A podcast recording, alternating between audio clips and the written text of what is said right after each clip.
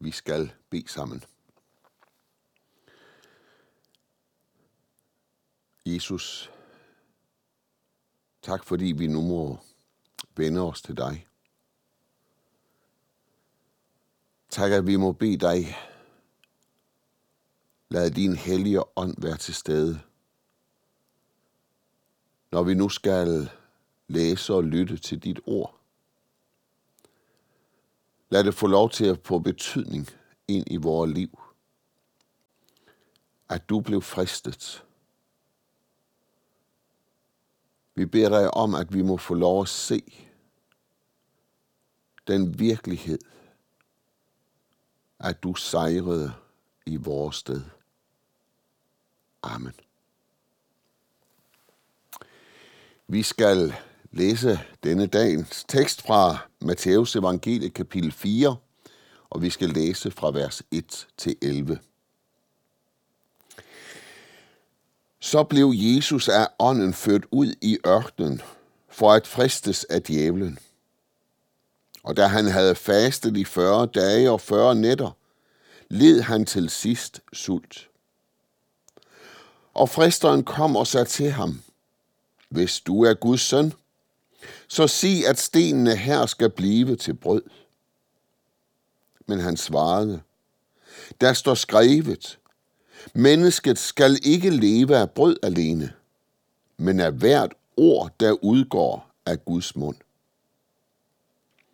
Der tog djævlen ham med til den hellige by, stillede ham på templets tinde og sagde til ham, Hvis du er Guds søn, så styrt dig ned. For der står skrevet, han vil give sine engle befaling, og de skal bære dig på hænder, så du ikke støder din fod på nogen sten. Jesus sagde til ham, der står også skrevet, du må ikke udæske Herren din Gud. Igen tog djævlen ham med sig, denne gang til et meget højt bjerg, og viste ham alle verdens riger og deres herlighed, og sagde til ham, Alt dette vil jeg give dig, hvis du vil kaste dig ned og tilbe mig. Der svarede Jesus ham, Vi bort, Satan, for der står skrevet, Du skal tilbede Herren din Gud og tjene ham alene. Der forlod djævlen ham, og se, der kom engle og sørgede for ham. Amen.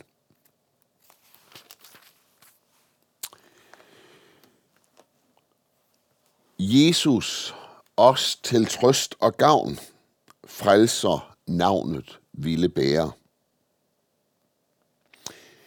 Sådan øh, sang vi det for et øjeblik siden. Og det var jo den virkelighed, som vi mødte sidste søndag. At Jesus sagde ja til den opgave, som Gud havde givet ham, nemlig at forbarme sig over menneskeslægten. Jesus blev født, ikke født, men døbt derude ved Jordanfloden hos Johannes. Og dermed så bekendte Jesus jo alle verdens synder. Og ikke nok med det, men Jesus oplevede jo også det fantastiske, at Guds ånd kom dalende ned fra himlene.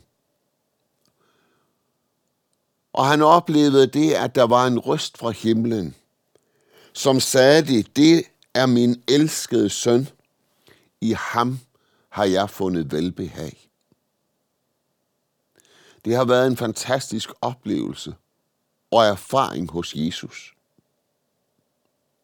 Jo, os til trøst og gavn, frelser navnet, ville Jesus bære. Og så er det, at vi synger det videre i teksten her. Men han måtte tidligt lære, at det var et smertenavn. Ja, lige efter sin store oplevelse med, med dåben derude ved Jordanfloden, efter at have hørt denne røst fra himlen, Det er min elskede søn. I ham har jeg velbehag.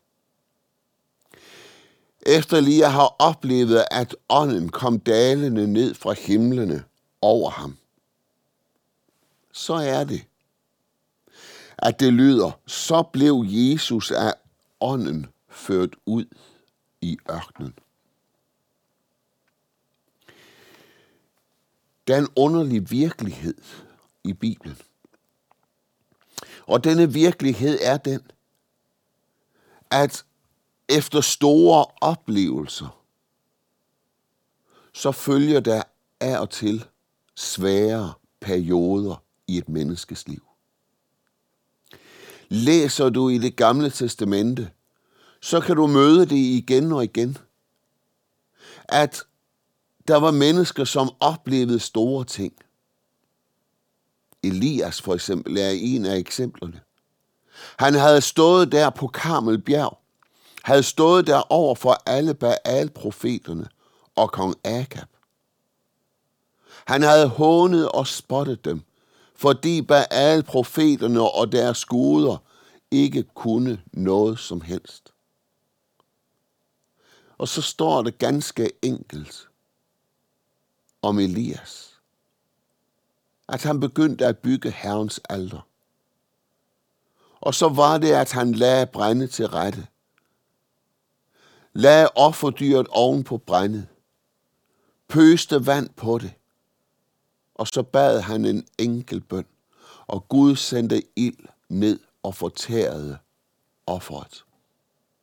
Ja, ikke bare offeret, men slikkede vandet op. Så voldsom var ilden. Elias stod der, og han havde haft denne vældige oplevelse. Og så er det, at Akans kone Jezebel, dronningen af Israel, sender bud til Elias og siger det til Elias, Elias, du skal dø. Denne modige profet, som Gud havde brugt til dette vældige styrkeprøve der på Karmel, hvad gør han?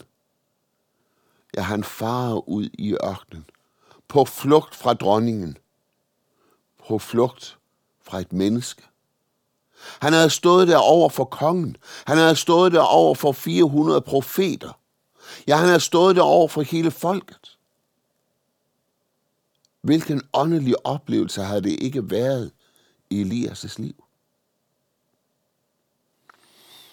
Og så er det, at vi møder Elias derude i ørkenen, og så må han sige det til Gud. Gud, tag mit liv. For jeg er ikke mere værd end det.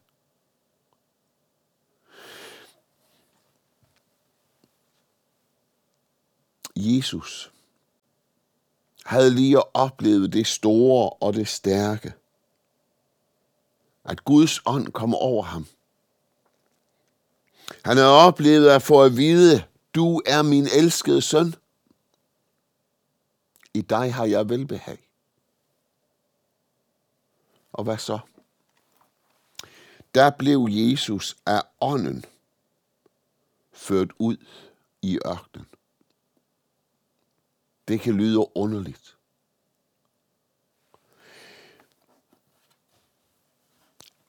Jesus er vores stedfortræder. Men han er også vores forbillede. Og på samme måde som Jesus oplevede tingene, sådan kommer Guds børn også til at opleve det. Og det er derfor, at Jesus lige efter denne store oplevelse her, bliver ført ud i ørkenen. Og der står endda, at han blev ført derud for at, frist, blev, for at blive fristet af djævlen.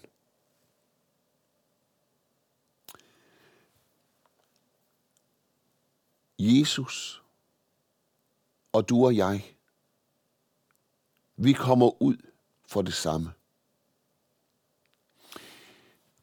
For også i dit og i mit liv kan det jo opleves, at vi står med store åndelige oplevelser i vores liv. Og lige efter, så kommer fristelsen. så kommer fristelsen måske til hovmod. Eller mismod, sådan som Elias oplevede det. Men vi skal ikke undre os, for sådan var det også for Jesus. Jesus blev ført ud i ørkenen, og derude i ørkenen, der fastede han i 40 dage og 40 nætter. Så det er jo ikke så sært, at Jesus til sidst led sult. Og der er der noget, som vi skal lægge mærke til ved Satan. Fordi han prøver altid på at komme ind der, hvor han ser den største svaghed. Jesus led virkelig sult efter 40 dage i faste. Og så er det mest naturligt jo at angribe lige netop der, hvor et menneske er allersvagest.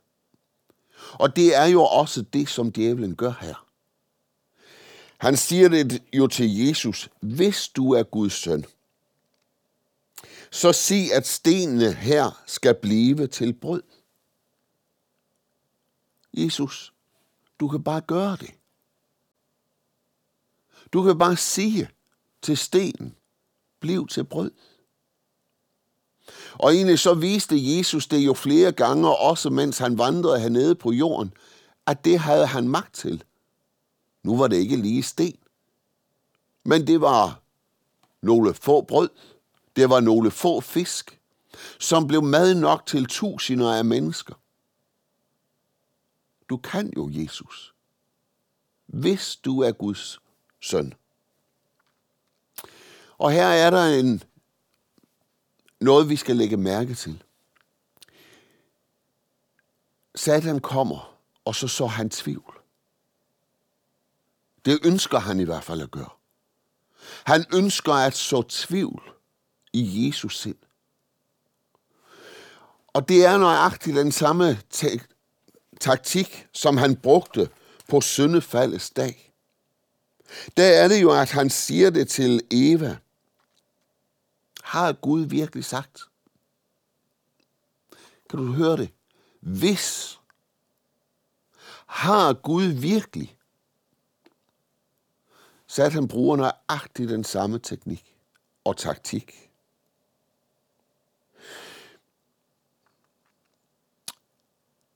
Det Satan frister med, det var jo rent fysiske behov. Jesus, du er jo sulten.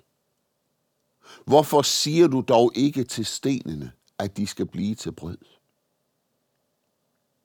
Med andre ord, så vil Satan har Jesus til at blive selvhjulpen. At hjælpe sig selv i situationen her. Jesus, du kan jo. Så gør det dog. Men der er det, at Jesus svarer ham. Der står skrevet, mennesket, mennesket skal ikke leve af brød alene, men af hvert ord, der udgår af Guds mund.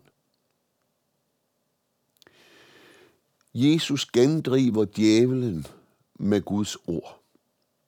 Og det er værd at lægge mærke til. Det, som Elias gjorde, det var jo at sige det til Gud, Gud, du må tage mit liv. Jeg er ikke mere værd end det. Mørket havde ligesom omsluttet Elias. Og Elias så ikke andre muligheder, end at Gud ville forkaste ham. Jesus, han gør noget andet. Han havde også en nød i sit liv. Jeg er sulten. Jeg behøver noget at spise. Men på satans fristelse, der henviser han til noget ganske andet. Han svarede, mennesket skal ikke leve af brød alene, men af hvert ord, der udgår af Guds mund.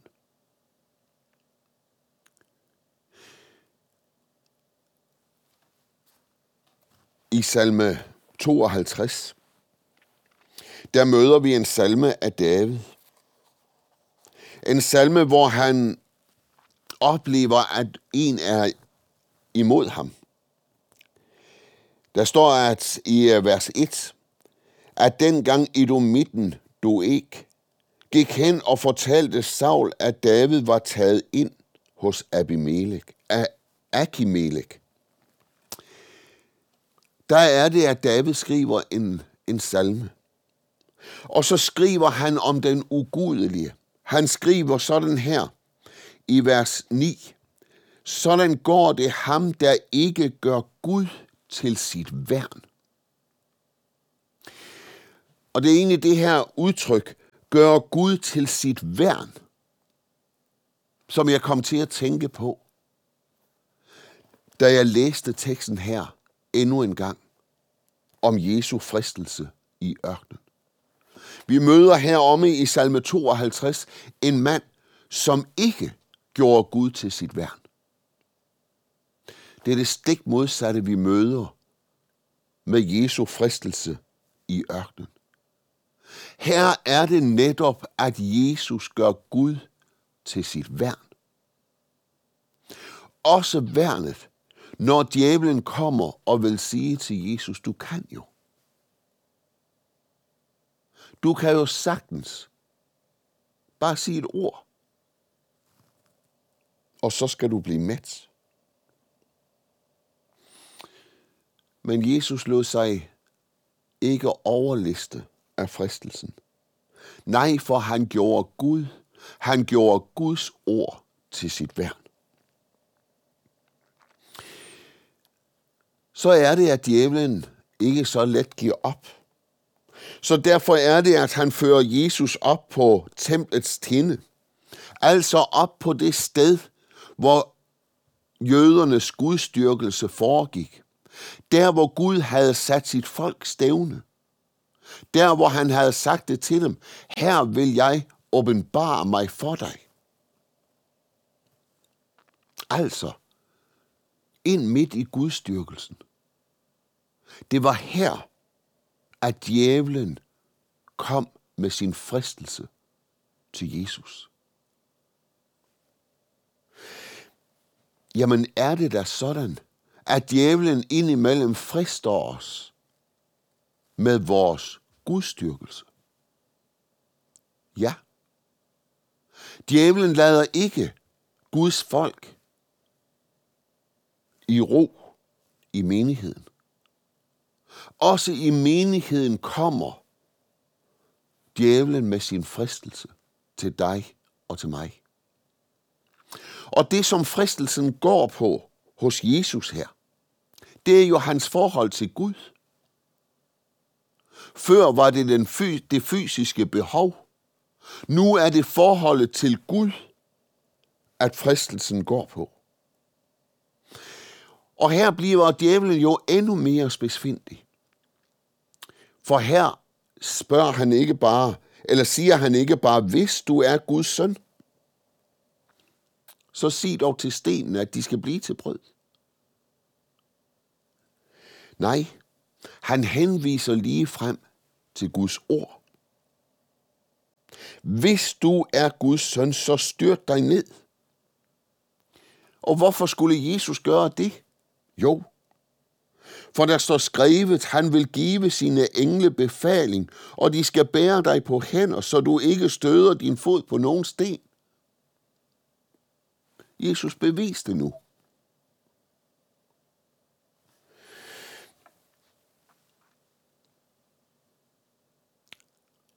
Hvor let går det ikke sådan for os, at vi så gerne vil bevise Gud.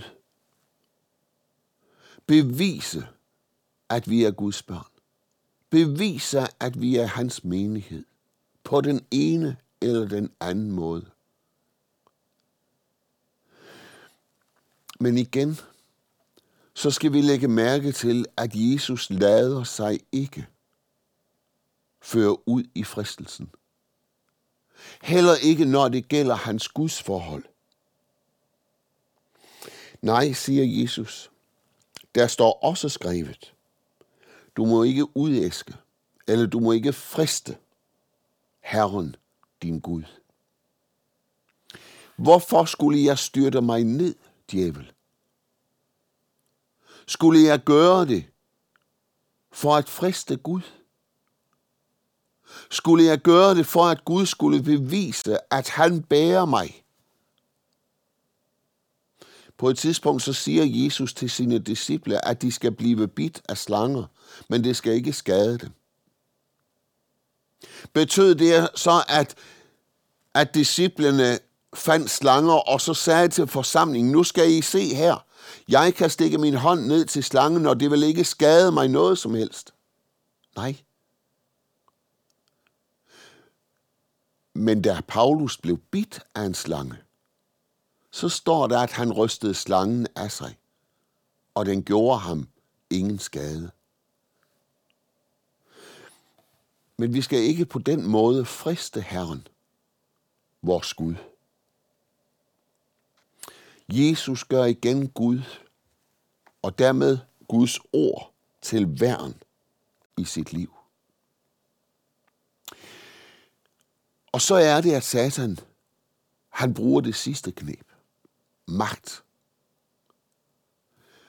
Hvor er der dog mange, også kristne ledere, som er faldet her, fordi de ønskede magt og blev optaget af magten i stedet for af tjenesten. Djævlen bruger ofte magt til at føre mennesker bort fra Gud. Igen tog djævlen ham med sig denne gang til et meget højt bjerg, og viste ham alle verdens riger og deres herlighed. Og han sagde til ham, alt dette vil jeg give dig. Jesus, du kan få magt.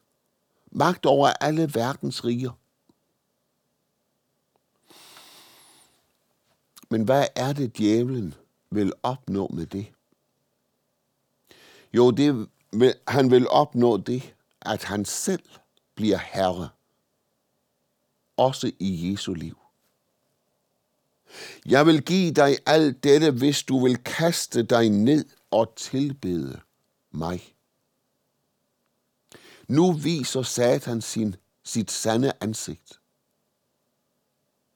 Nu viser han, hvem han i virkeligheden er. Det gjorde han jo ikke, hverken i den første eller anden fristelse. Nej, der viser han egentlig syndens dejlighed, hvis der er noget, der hedder det. Se Jesus, et ord, og så bliver sten til brød. Jesus kaster I ud fra tinden her og bevis, at Gud holder hånden over dig. Men hvad var Satans virkelig hensigt? Det var at få magten over Jesus. Og så er vi tilbage igen ved syndefaldet. Må Gud virkelig har sagt, nej, Adam og Eva, I bliver som Gud, hvis I spiser af træet her. Men hvad var det, djævlen han vidste? Han vidste, at kunne han få dem til at spise af træet, så kunne han få magt over dem. Men lad skal vi lægge mærke til, hvad Jesus igen siger. Vi bort, Satan, for der står skrevet, du skal tilbede Herren din Gud og tjene ham alene. Ham alene.